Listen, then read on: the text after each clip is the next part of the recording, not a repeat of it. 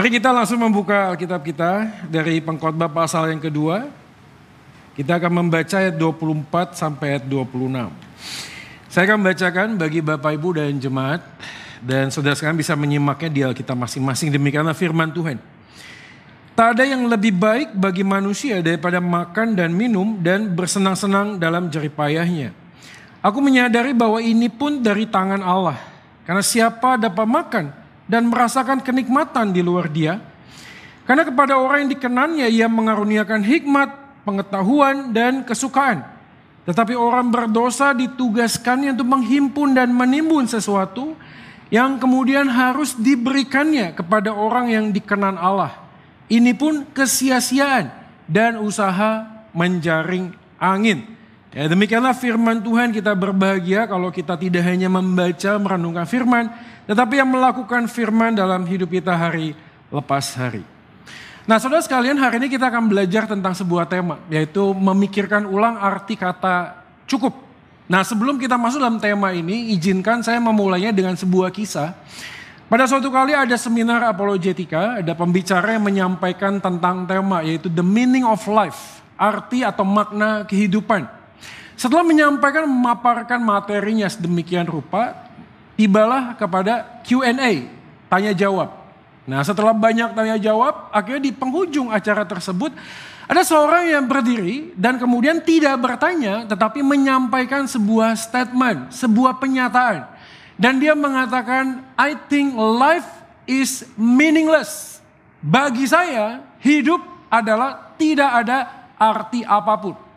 Lalu sang pembicara kemudian meminta orang yang mengatakan tersebut untuk mengulangi kalimat itu lebih perlahan. Dan dia mengatakan hal yang sama, life is meaningless. Hidup itu tidak ada artinya. Lalu dengan sedikit tersenyum sang pembicara mengatakan demikian, if life doesn't have any meaning. So why you ask me about life is meaningless?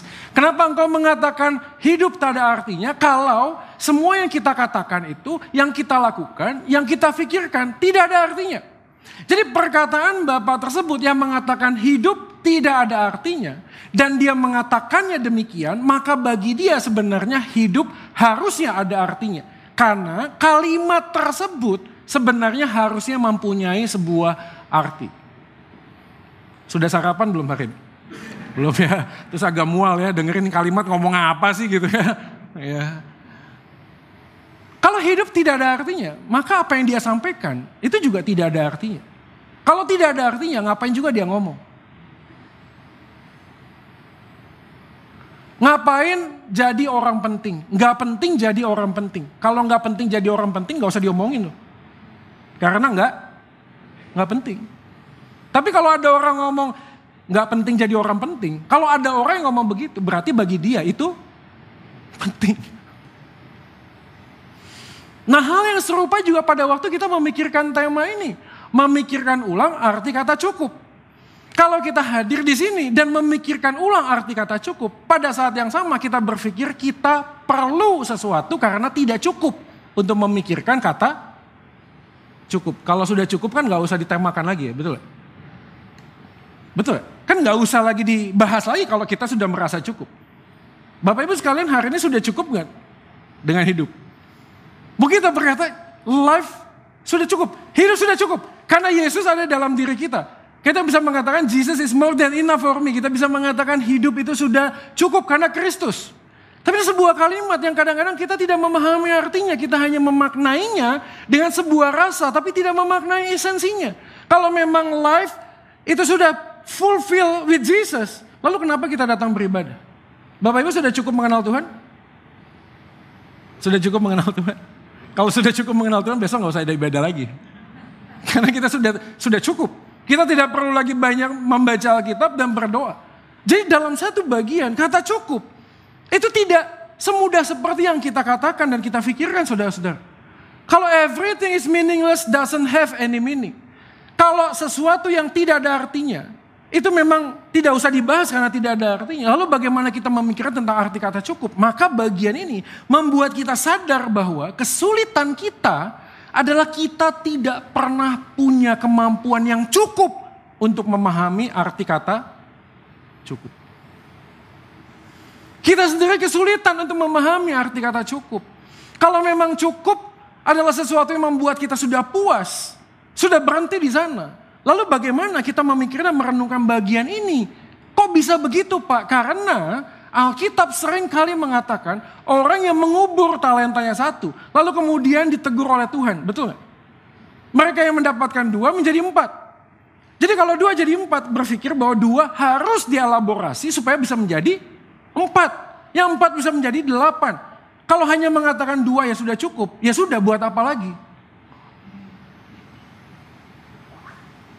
Maka waktu kita memikirkan tema ini, apakah tema mengapa tidak pernah merasa cukup itu bertentangan dalam Alkitab? Menjadi semakin serupa dengan Kristus. Saudara sekalian menjadi serupa dengan Kristus itu bukan tiba-tiba terjadi. Proses perjalanan progresif sanctification. Sebuah proses pengudusan. Dan proses pengudusan membutuhkan sebuah perjalanan yang kita harusnya selalu tidak merasa cukup. Tapi dalam bagian yang lain, kita juga menyadari bahwa rasa cukup itu juga harus ada dalam hati kita. Kenapa? Karena kalau kita tidak terus merasa cukup, apa yang terjadi? Kita terus bersungut-sungut, bukan? Kita akan sulit mengucap syukur karena kita selalu merasa kurang. Jadi sangat sulit sekali untuk memahami arti kata cukup dalam perspektif manusia. Dan waktu kita membaca bagian firman Tuhan ini, maka kita akan coba menggali bagaimana sebenarnya kita memahami arti kata cukup. Desmond Doss dalam sebuah film yang dibolehkan film, Ridge, mungkin Bapak Ibu sudah juga menontonnya. Ya, ketika ada seorang pemuda yang ingin berkontribusi bagi bangsanya untuk ikut berperang tapi tidak mau mengangkat senjata. Lalu terjadilah ketegangan di sana sampai suatu kali muncullah kesepakatan bahwa dia masih tetap bisa berkontribusi dalam perang tanpa mengangkat senjata yaitu dengan menyelamatkan jiwa-jiwa orang yang terluka akibat peperangan. Dalam sebuah scene yang menarik sekali adalah ketika semua pasukannya sudah mundur. Lalu Desmond Doss di dalam sebuah peristiwa itu dikatakan, dia rindu untuk menolong, berkontribusi apa yang dia lakukan. Ketika semua pasukan sudah mundur, dia pergi ke tengah-tengah medan peperangan. Dan apa yang dia lakukan, dia mengambil satu orang, menyeretnya sendiri, membawanya untuk diselamatkan, kemudian dibawa ke mes. Dan apa yang dilakukan oleh Desmond Doss? Apakah setelah dia selesai menyelamatkan satu jiwa lalu dia berhenti? No. Apa yang dia lakukan? Dia mengatakan begini, Lord, please help me to save one man. Another one man. Satu manusia lagi, satu orang lagi Tuhan. Dan pada saat itu dituliskan, dikatakan dan diceritakan bahwa dia hampir puluhan orang diselamatkan sendiri oleh dia, ditarik sendiri. Lalu apa yang terjadi ketika ada orang yang mengatakan, aku sudah cukup. Dia membawa satu jiwa dan berkata, thank you Tuhan one is more than enough. Satu udah cukup. Tidak demikian. Maka kata cukup selalu berkaitan dengan dua hal saudara-saudara.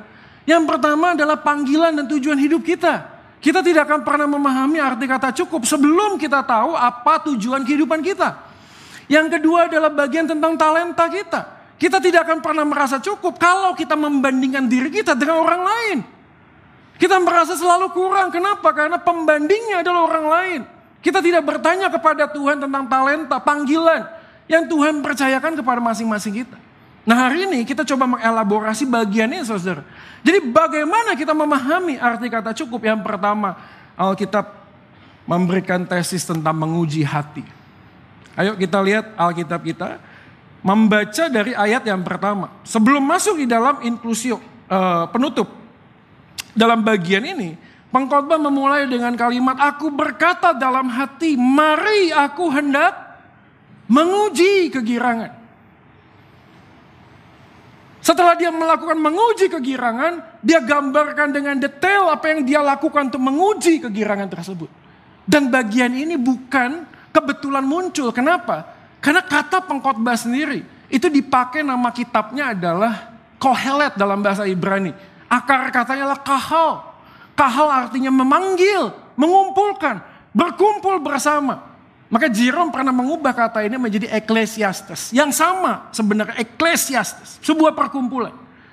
Dan menariknya adalah kata ini muncul dari kata pertama dari kitab pengkhotbah. Tidak dikatakan the preacher sang pengkhotbah, no, tapi kata kohelet, kahal. Artinya ada sebuah nuansa pengkhotbah sedang mengajak banyak orang untuk berkumpul dan menguji bersama tentang apa yang menjadi tesisnya. Yang bukan hanya sekedar dikerjakan dengan kognitif, tapi perjalanan kehidupan sang pengkhotbah. Bapak Ibu ingat ya, ada tiga kitab ya. Canticles, Proverbs, dan Ecclesiastes. Pengkhotbah selalu menuliskan dua, tiga kitab. Pertama adalah Kidung Agung, Amsal, dan Pengkhotbah. Ada banyak hikmat yang disampaikan di sana. Nah konon kita pengkhotbah dituliskan pada masa-masa tuanya, masa akhir hidupnya. Dan dia menguji apa yang dia sudah lakukan dengan hikmatnya saudara-saudara. Dia menguji segala sesuatu. Dan dia mengajak banyak orang untuk menguji tesisnya. Dia menantang banyak orang. Untuk mengatakan apakah yang kujalani, apa yang kucapai, apa yang kurai. Itu dapat engkau berikan sebuah respon. Kahal, berkumpul bersama untuk menguji bagian. Maka kata menguji di sana dikatakan Brown Driver Briggs sebuah kamus mengatakan tentang to test, to prove bukan hanya sekedar membuktikan, tetapi standar tentang sebuah bukti. Sebuah bukti itu kita bisa ambil kesimpulannya kalau standarnya benar, setuju nggak? Kalau standarnya saya sudah salah, maka masing-masing akan mengatakan itu kan bagian kamu. Itu kan menurut kamu. Maka pengkhotbah menawarkan sebuah standar yang penuh dengan bukti saudara. Dan bukti inilah yang digambarkan oleh sang pengkhotbah dengan tiga kata. Yaitu evaluasi, yang kedua adalah introspeksi, yang ketiga adalah refleksi. Apa sih maksudnya? Kata menguji di sana, membutuhkan sebuah standar. Kalau standarmu keliru, maka hasil apa pun tak bisa dijadikan sebuah bentuk kebenaran. Maka pengkhotbah mengatakan, aku menguji kegirangan dan seterusnya. Sampai pasal yang kedua, ayat ke-24 dia mengatakan, di luar Tuhan. Ini hasil tesisnya. Semua jeripaya, achievement, apa pun yang kau sudah capai dalam dunia ini, engkau tidak akan pernah bisa menikmatinya sebelum engkau mendapatkan karunia untuk menikmati apa yang sudah engkau dapat. Pengkhotbah tidak naif dia tidak mengatakan bahwa semua jeripayah kita kita tidak bisa nikmati. Tapi orang yang tidak menempatkan Tuhan sebagai pusat kehidupannya akan sangat kesulitan untuk menghadapi ini. Untuk menikmati bagian ini. Maka dikatakan evaluasi. Apa itu evaluasi? Menguji hati berkaitan dengan menemukan masalah. Tapi menemukan masalah tidak akan pernah mengambil sebuah perubahan. Karena kita hanya menemukan masalah. Kita butuh yang kedua yaitu introspeksi. Introspeksi berkaitan dengan bagian apa dalam hidupku yang aku lakukan sehingga masalah ini muncul.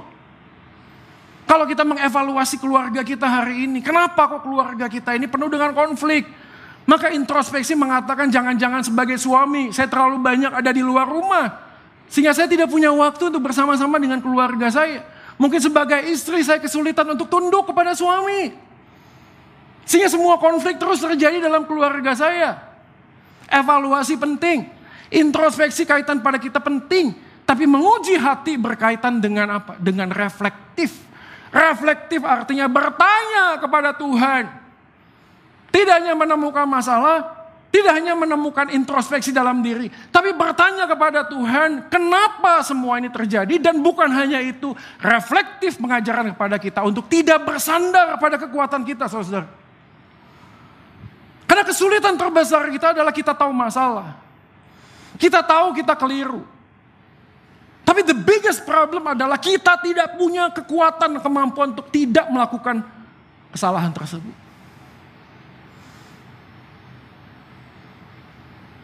Sebagai mantan pengguna narkoba, saya tahu nggak pakai narkoba itu salah? Tahu. Tahu. Sembilan tahun, masa nggak tahu sih? Masa nggak sadar sih? Capek. Tahun kedua aja gue udah tahu kok. Pengen lepas nggak? Kalau ditanya pengen, pengen lepas. Tahu nggak sih akar masalah dalam kehidupan saya? Kenapa di keluarga kita banyak cekcok? Kenapa kuliah saya nggak nggak selesai-selesai? Kenapa saya selalu merasa tidak dihargai? Tahu nggak masalahnya? Tahu, evaluasi. Lakukan introspeksi, yes, saya mengatakan saya harusnya begini, saya harusnya begitu. Tapi saya lupa bagian yang ketiga itu reflektif. Kebenarannya adalah aku tidak mampu untuk melepaskan diri dari semua keterikatan ini. Berapa banyak anak pemuda hari ini addiction sama games? Tahu nggak salah? Tahu. Karena melakukan hal yang kita suka membuat orang lain terluka. Seringkali apa yang kita lakukan yang kita suka membuat orang lain terluka. Tahu nggak? Tahu. Dan apa yang harus dilakukan? Tahu nggak caranya? Tahu. Harusnya tidak melakukan hal itu. Tapi begitu bertanya kepada Tuhan, kita kemudian sadar saudara bahwa kita tidak akan pernah bisa lepas dari ketergantungan itu reflektif. Menguji hati, berkaitan menemukan sebuah masalah. Bertanya kepada diri. Dan memohon kepada Tuhan pimpinannya. Kebahagiaan seorang manusia bukanlah ditentukan dari berapa banyak berkat yang Tuhan beri, tapi betapa dalamnya kasih sehingga ia mau memberi Kristus bagi kita. Di dalam Kristus kita menemukan jawaban. Kita sering kali bertanya tentang berkat. Semua masalah yang kita hadapi, kita mohon jalan keluar. Karena kita kehabisan waktu untuk mencari jalan keluar, kita tidak punya waktu lagi untuk mencari jalan masuk kepada kasih karunia Tuhan. Karena kita udah capek, habis waktu kita untuk menemukan solusi. Kita lupa bahwa kita harusnya reflektif dan danya kepada Tuhan, menguji hati. Maka menguji hati membuka cakrawala berpikir kita bahwa sebenarnya kejatuhan kita bukanlah karena kita tidak tahu yang benar. Tapi karena kita tidak mau tahu yang benar. Kebenarannya adalah kita ini ranting. Brother and sister, saudara sekalian, kita ini ranting. Kita ini debu tanah, kita tidak punya kemampuan, kita tidak punya kekuatan. Kita sangat lemah, kita butuh anugerah dari Yesus Kristus. Maka Yohanes mengatakan hendaklah engkau melekat pada sang pokok. Ketika engkau melekat pada sang pokok, di sanalah nutrisi kehidupan itu muncul, kekuatan yang berlimpah-limpah itu muncul. Galatia 2.20 mengatakan, I have been crucified with Christ. I have no longer lived. Aku sudah disalibkan bersama dengan Kristus. Aku tak punya kemampuan apa pun. This is the gospel of Jesus Christ, saudara sekalian. Bukan masalahnya kita tidak tahu masalah. Masalahnya adalah kita tidak mau tahu bahwa sumber kekuatan bukan dari diri kita. Hanya poin untuk menguji hati tentang arti kata cukup. Apa maksudnya sebenarnya? Waktu kita menguji hati kita dan bertanya kepada Tuhan. Semua hal yang kita dapatkan hari ini, bisakah dan pernahkah engkau berkata, is only by your grace. Kalau semua datang karena anugerah Tuhan, maka saya bisa merasakan kepuasan. Bukan karena sekedar jerih payahku. Tapi karena aku sadar bahwa aku hidup pun bukan karena kuat dan gagahku saudara. Tapi karena kasih karunia dari Yesus Kristus. You cannot understand the will of God unless you stand under the will of God.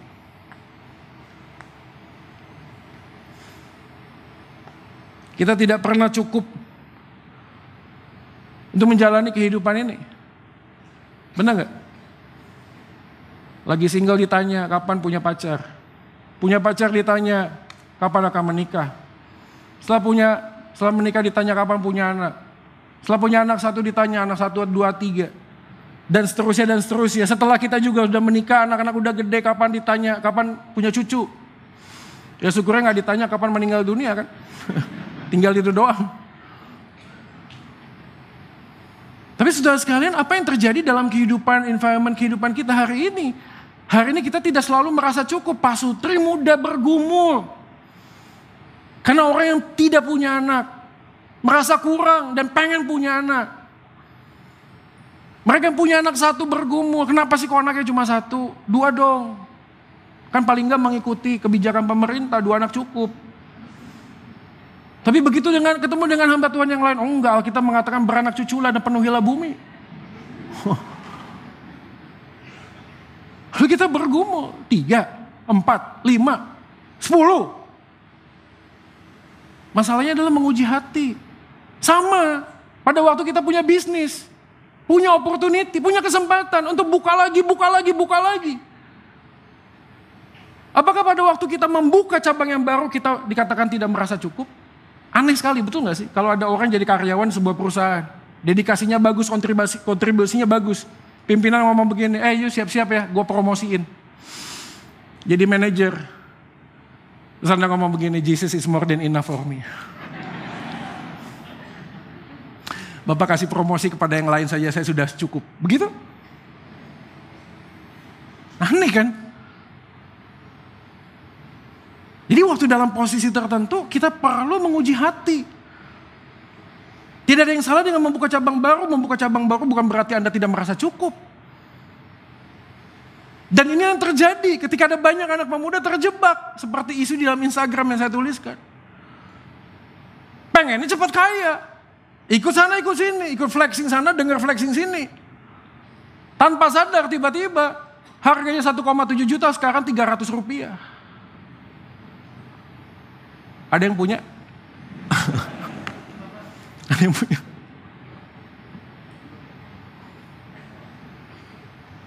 Lalu kemudian sulit kan menerima fakta. Waktu Anda mengikuti itu, apakah Anda menguji hati? Waktu Anda memasukkan uang di dalam sebuah trading, kripto, apa pun sebut namanya, apakah Anda menguji hati? That's the point. Maka pengkhotbah mengatakan kepada kita sebuah bagian, apa yang sudah kuuji?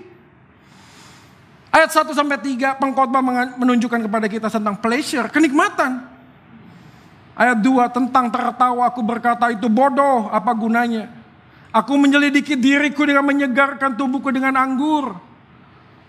Kenikmatan. Apakah dia berhenti sampai kenikmatan? Tidak. Dia menjelaskan ayat 4 sampai 8. Apa yang dikatakan di sana? Aku melakukan pekerjaan besar. Mendirikan bagiku rumah, menanami bagiku kebun anggur. Apa ini? Prosperity, kemakmuran. Bukan hanya sekedar rasa nyaman. Tapi juga dia membangun segala sesuatu. Apa yang dia juga uji ayat 9 sampai 10, dia menguji tentang kekuatan, power. Waktu dia menguji dia menemukan bahwa kenikmatan, prosperity semuanya tidak akan pernah membuat hidup kita bahagia.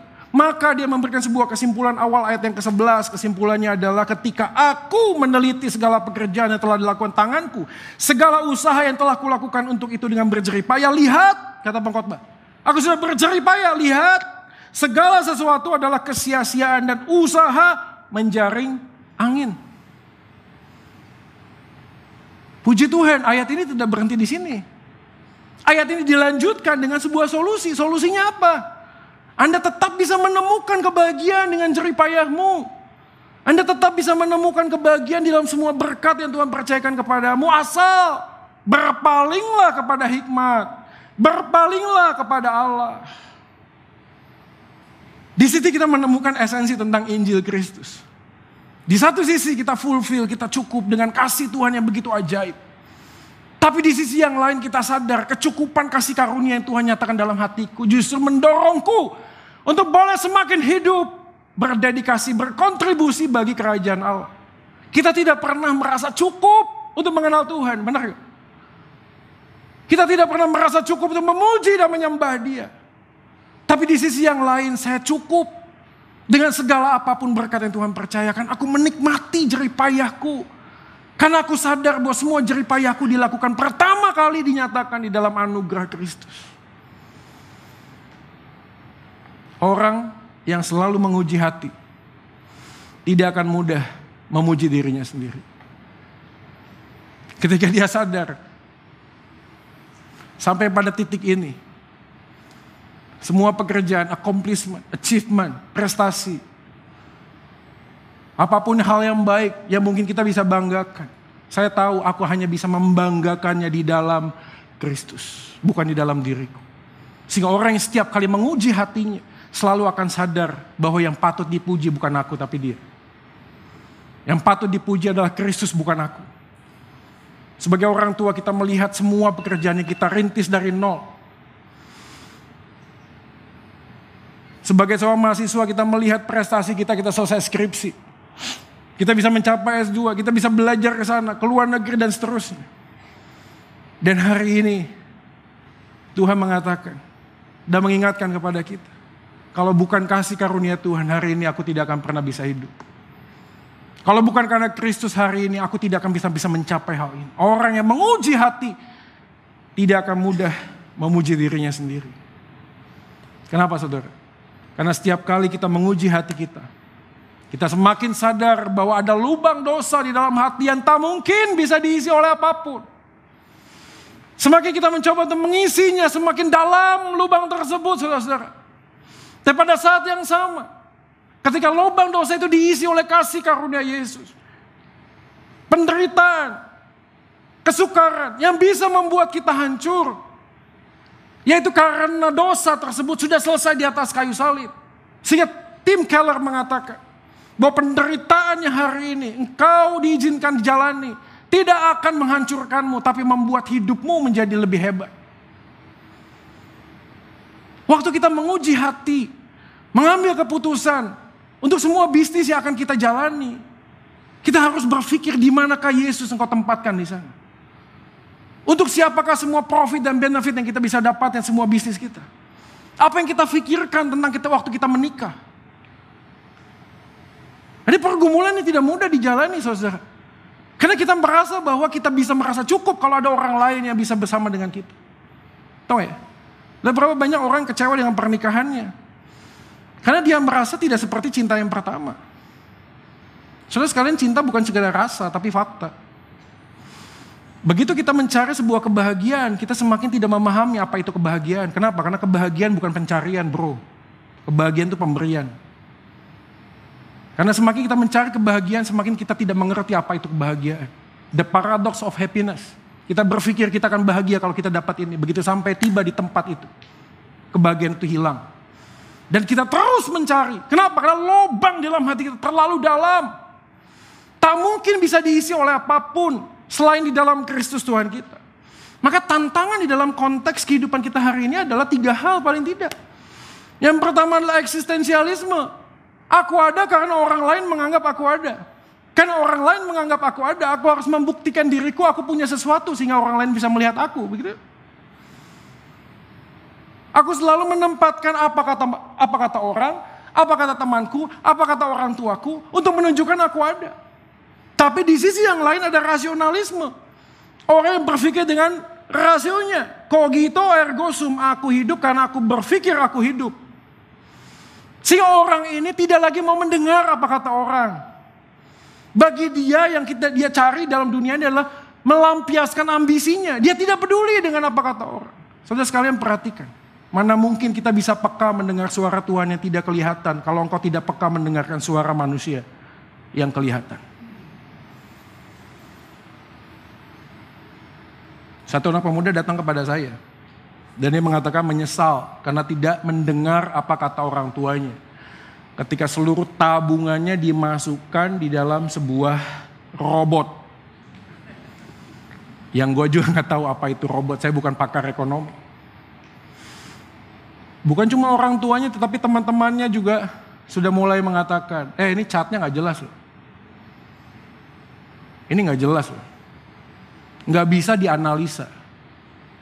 Baik teknikal maupun fundamental. Tapi dia bilang I don't care. Gue yang punya duit kalau yang capek. Gue yang punya tabungan kalau yang susah. Suka-suka gue. Kan waktu gue masukin duit itu kan gak melukai hatimu. Tapi sekarang kemudian apa yang terjadi itu tadi. Karena dia merasa ambisinya dan kalau kita ngomong rasionalisme itu terjadi dengan apa yang terjadi dalam akumulasi hidup kan. Betul nggak? Ada banyak anak pemuda hari ini pengen cepat kaya. Begitu digali segala sesuatunya terjadi pada waktu dia kecil dia suka dibully sama temannya karena dia miskin. Dan tanpa sadar autopilot by, by default. Tanpa sadar dia mengejar sesuatu untuk membuktikan dirinya tidak mau dibully lagi. Dan selalu kehidupan begitu. Karena dosa merusak segala sesuatunya dan membuat kita kemudian dibayang-bayangi oleh masa lalu. Yang bahkan kita pun tidak mau, tidak mau merancang, tidak mau itu terjadi. Tapi it happened. Itu terjadi dalam hidup kita. Sexual abusing. Dilecehkan secara seksual. Anak mudi datang kepada saya dan mengatakan setiap kali datang ke gereja saya merasa kotor, najis, jijik dalam diri saya. Dan apa yang terjadi hari ini? Berapa banyak anak pemuda pindah dari satu cowok ke cowok yang lain. Karena dia merasa dia hanya bisa cukup kalau ada orang yang memuji dirinya. Dia hanya bisa merasa cukup kalau ada orang yang didampi, yang mendampingi dia. Saudara sekalian perhatikan. Sebelum Anda merasa aman di dalam pelukan Tuhan, jangan pernah merasa nyaman dipeluk oleh seseorang. Amin ya. Anda harus merasa aman di dalam pelukan Tuhan dulu dong. Kenapa? Karena pelukan orang lain pun, walaupun itu terasa nyaman, tidak akan terus-menerus ada di sana. Kita harus merasa cukup dengan pelukan Tuhan. Kesadaran inilah membuat kita sadar bahwa ada bagian yang ketiga yaitu psikologiisme yang menekankan tentang rasa nyaman tadi yang saya sudah mention. Kita kita ada dalam tantangan ini saudara. Maka berita firman Tuhan mengingatkan kepada kita selama Kristus dan karyanya tidak menjadi dasar dan tujuan hidup. Maka apa pun yang kita miliki, apa pun yang kita capai, tidak akan pernah memberi rasa cukup dalam kehidupan kita. Maka menempatkan Kristus di dalam semua keputusanmu adalah cara bagaimana kita menguji hati. Bertanya kepada Tuhan, Tuhan kalau engkau ada di sini, kira-kira apa yang engkau akan berikan saran kepada saya? Waktu saya diperhadapkan dengan sebuah kesempatan, opportunity untuk membuka cabang, untuk mengembangkan bisnisku. Ketika aku bergumul Tuhan, apakah aku punya anak satu, anak dua, anak tiga. Jangan lihat kokomu, jangan lihat mememu, jangan lihat orang lain. Tanya kepada Tuhan. Jadilah dirimu sendiri, jadilah keluargamu sendiri di dalam Tuhan. Karena pada waktu engkau mengatakan demikian dan berkata Tuhan, engkau yang memberi Tuhan. Ini bukan milikku, aku ini steward, aku ini manajer, aku ini pengelola, bukan pemilik. Keluargaku adalah milikmu, bisnisku adalah milikmu, maka hari ini Tuhan aku akan merasa cukup kalau engkau kasih aku pimpinan walaupun tanpa penjelasan. Seringkali kita minta penjelasan, Tuhan kenapa begini, Tuhan kenapa begitu. Tapi lupa meminta kepada Tuhan, Tuhan pimpinlah aku. Maka hari ini aku memberikan sebuah tawaran kepada Bapak Ibu sekalian. Yang Tuhan ingin hanya dua hal, yaitu trust and obey. Percaya dan taat. Pada waktu kita mengatakan aku percaya dan taat. Aku akan mengangkat wajahku dan memandang kepada bukit Kalvari karena hidupku sudah lebih daripada cukup karena Kristus. Sehingga setiap keputusan dalam bisnis, dalam relasi, apa pun yang aku akan ambil, aku tidak akan melihat orang lain, aku hanya melihat Yesus. Kalau Yesus ingin aku mempunyai anak dua, punya anak tiga, itu karena Yesus yang memberi. Menguji hati, saudara. Sadarkah kita? Kita lupa untuk menguji hati. Karena waktu kita tidak menguji hati apa yang terjadi, kita sulit untuk mengubah arah hati. Ini yang pengkhotbah katakan. Maka berkali-kali pengkhotbah mengatakan kepada di dalam bagian ini, bagiku, aku mendirikan bagiku rumah-rumah, bagiku kebun-kebun anggur, bagiku perak dan emas, aku mencari bagiku biduan-biduanita. Kata ini diulang delapan kali. Seakan-akan memberi sebuah penggambaran bahwa itulah isi hati kita saudara. Orang tua selalu ngamuk kepada anaknya. Ketika anaknya menjawab kata orang tua. Orang tua marah sedemikian rupa. Bukan untuk kebaikan anaknya. Tapi untuk mengeksekusi rasa ego. Karena sering kali yang Tuhan izinkan terjadi dalam kehidupan kita adalah begitu ada kesulitan. Begitu ada penderitaan. Begitu ada tekanan yang Tuhan izinkanlah menguji hati kita dan karakter kita. Dan hari ini bertanya pada waktu menguji hati apakah arah hatiku sudah kepada Kristus atau arah hatiku hanya kepada diri sendiri. Matius 6 ayat 33, carilah dahulu kerajaan Allah, betul? Tapi kalau Anda membaca ayat 25 janganlah engkau khawatir. Artinya banyak orang khawatir karena dia sedang membangun kerajaannya sendiri. Kekhawatiran yang tanpa arti apa pun. Maka orang yang sudah mengejar kerajaan Allah, bisakah dia khawatir? Yes, tapi kekhawatiran yang mempunyai arti. Kenapa? Karena kekhawatiran itu mendewasakan. Orang yang dalam Kristus sadar bahwa konflik dan terluka bukanlah untuk menghancurkan, tapi untuk mendewasakan. Tapi orang yang di luar Kristus melihat konflik, ketika terluka apa yang terjadi? Hatinya membara berhala dalam hati ego. Apa yang dilakukan? Dia berpikir gimana gue bisa balas. Emang lu aja yang bisa selingkuh, gue kagak bisa. Gue juga bisa. Enak aja. Kayak gitu mikirnya. Lalu berani kayak gitu ya nusuk gue dari belakang. Emang gue gak bisa? Gue bisa. Konflik dalam rumah tangga. Ujung-ujung kan begitu. Pak Joy, kalau dia berubah, gue mau berubah. Dia dulu yang berubah. Kalau tanya pasangannya dia ngomong apa? Dia dulu dong berubah, masa gue? Di mana-mana kan ladies first. ladies first. Nggak akan pernah bisa kelar. Kenapa? Karena semua kesulitan pergumulan menunjukkan bahwa sebenarnya kita tidak merasa cukup dengan Tuhan. Kita terus eksekusi apa yang dalam hati kita. Dan kita berkata bahwa spotlight kehidupan harus kepada saya. Aku, bagiku, bagiku, bagiku. Maka waktu kita menguji hati hari ini dikatakan oleh firman Tuhan. Arahkanlah hatimu. Maka metanoia dalam bahasa Yunani adalah perubahan pikiran. Ada ngomong hati dan pikiran. Apakah ini esensi yang sama? JP Morgan menjelaskan dengan analogi. Dia bilang seperti air yang liquid bisa juga jadi es batu. Substansinya tetap air. Begitu juga dengan pikiran dan hati. Menggambarkan tentang hal yang imateri, yang tidak nampak. Tapi ketika mengatakan menguji hati dan menguji pikiran, Alkitab sedang menyarankan kepada kita untuk mengorientasikan kehidupan bukan kepada diri kita sendiri, tapi kepada Kristus Tuhan kita.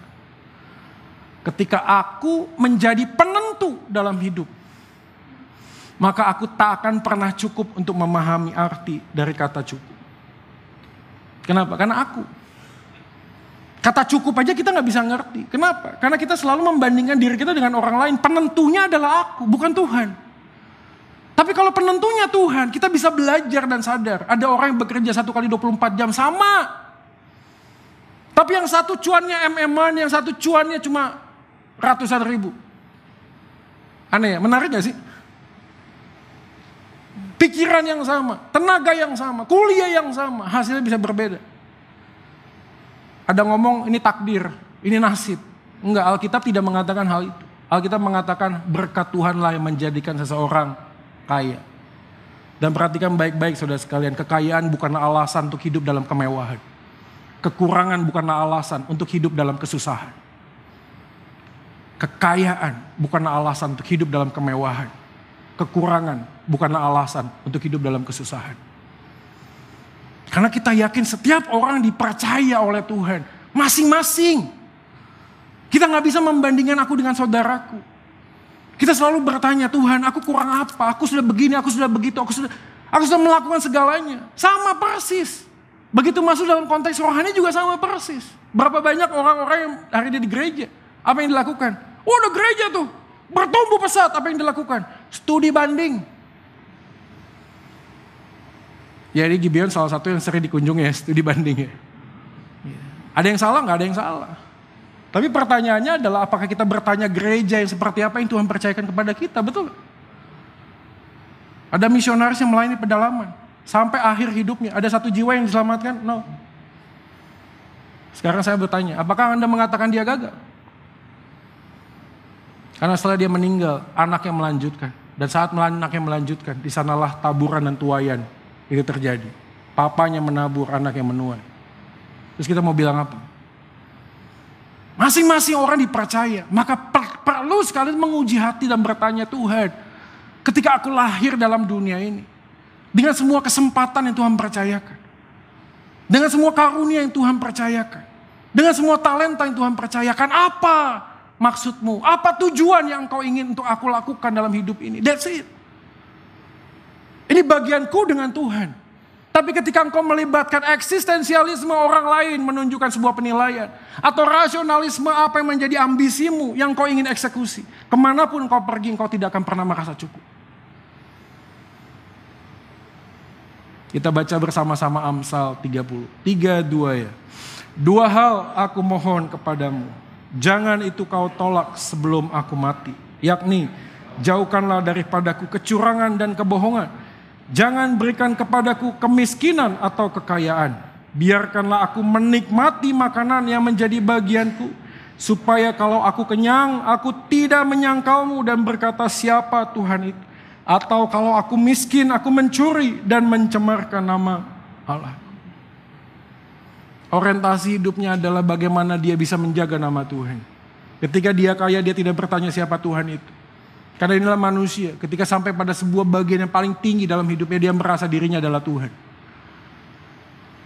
Karena dia udah accomplish banyak hal. Dia dapat banyak achievement dalam hidup. Dia punya prestasi. Dia punya pengalaman. Dia punya skill. Dia merasa dirinya menjadi Tuhan.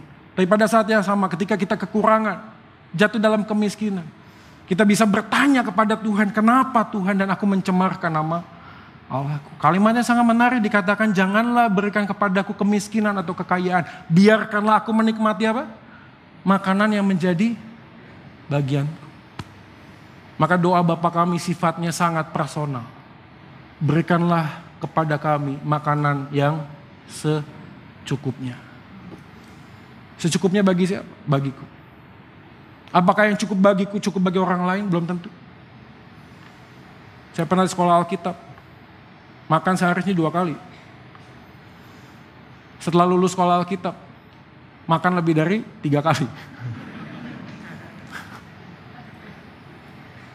Situasi akan berubah. Tetapi hati harus tetap sama kepada Yesus.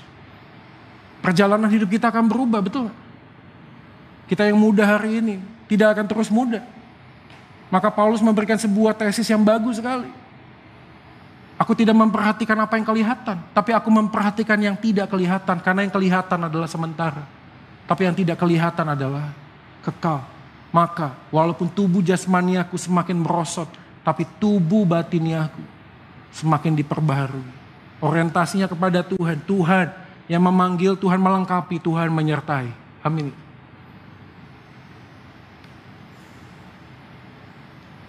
Tim Keller mengatakan sin is not simply doing the bad things. It is putting good things in the place of God. Dosa adalah bukan hal yang buruk yang kita lakukan.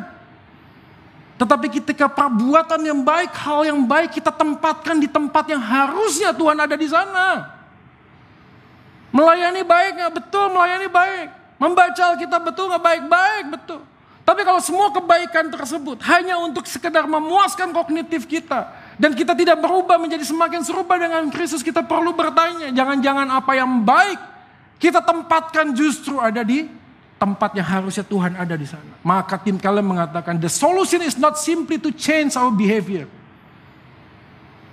Solusinya bukanlah mengubah tindak tindak tanduk kita, perilaku kita, tetapi mengubah orientasi hidupku dan hidupmu.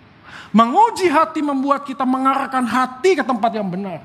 Ketika kita mengarahkan hati di tempat yang benar, kita akan menikmati rasa cukup. Pada saat yang sama kita tidak akan pernah merasa cukup mengenal Tuhan. Menarik ya? Kita akan terus merasa cukup dengan berkat yang Tuhan berikan. Tapi pada saat yang sama kita tidak akan pernah merasa cukup untuk mengenal Tuhan. Maka pada saat kita belajar tentang bagian ini, ikhlas melepaskan apa pun yang menghalangi kita untuk bisa semakin dekat dengan Tuhan. Menunjukkan rasa cukup kita di dalam Tuhan. Masa utang gak ditagih? Ya. Itu kan hak gua. Dia hutang, dia harus bayar. Dia hutang, dia harus bayar. Pikiran dia hutang, dia harus bayar, membuat kita tidak bisa tidur. Ikhlas melepaskan. Kadang-kadang Tuhan mengatakan let go. Saya tahu ini susah ya bagi para pebisnis. Tapi kalau segala sesuatu yang membuat kita tidak lagi semakin dekat dengan Tuhan, akan menunjukkan ada sebuah berhala dalam hati. Suatu kali saya pernah diundang ke sebuah seminar, gereja yang cukup besar. Tiga hari dua malam, sesi saya cukup banyak di luar kota sebelum pandemi. Setelah selesai saya kelar, selesai, dikasih makan, dijamu dan seterusnya. Puji Tuhan, bersyukur untuk semua kebaikan yang Tuhan nyatakan melalui panitia. Waktunya untuk pamit. Ketika saya pamit dan masuk ke dalam mobil, saya merasa ada yang salah. Apa yang kurang? Apa yang salah? Dan saya semakin sadar, oh iya lupa. Biasanya kalau udah seminar gereja yang cukup besar karena ada afiliasi dan lain sebagainya, setiap kali pulang harus tanda tangan. Oh ya, tanda tangan. Tanda tangannya adalah sudah menerima uang segini-gini sebagai biaya transportasi. kok nggak tanda tangan ya? Anda tahu maksudnya ya? Karena nggak tanda tangan berarti ya apa yang mau tanda terima Karena tidak terima apa pun kan. Saya sempat berpikir, wah mungkin lupa. Nah, satu jam lagi mungkin telepon saya berdering dan mengatakan, Pak bisa balik nggak? Hampir dua jam tiba di rumah telepon gak berdering. Saudara sekalian hari itu saya merasa, saya sadar. Ada sesuatu yang salah dengan hati saya. Ada yang salah. Motivasi saya sudah mulai keliru. Saya berpikir tentang sesuatu yang lain ya pelayanan. Dan saya mengajak istri saya untuk berdoa dan mendoakan saya. Saya pun tidak kebal dengan hal itu saudara sekalian. Saya pun tidak kebal. Tapi saya belajar dari semua firman Tuhan. Kadang-kadang Tuhan mengizinkan sebuah hantaman dalam hidup kita. Supaya kita belajar let go. Ikhlas. Sudahlah, kalau memang bisa bayar-bayar, kalau enggak, saya tahu Tuhan akan berikan berkatnya di tempat yang lain. Amin. Dia tidak akan pernah meninggalkan kita Kita sudah lebih dari cukup. Karena ada Yesus. Yesus akan memelihara hidup saya dan hidupmu. Bagi Anda yang sedang berpacaran hari ini.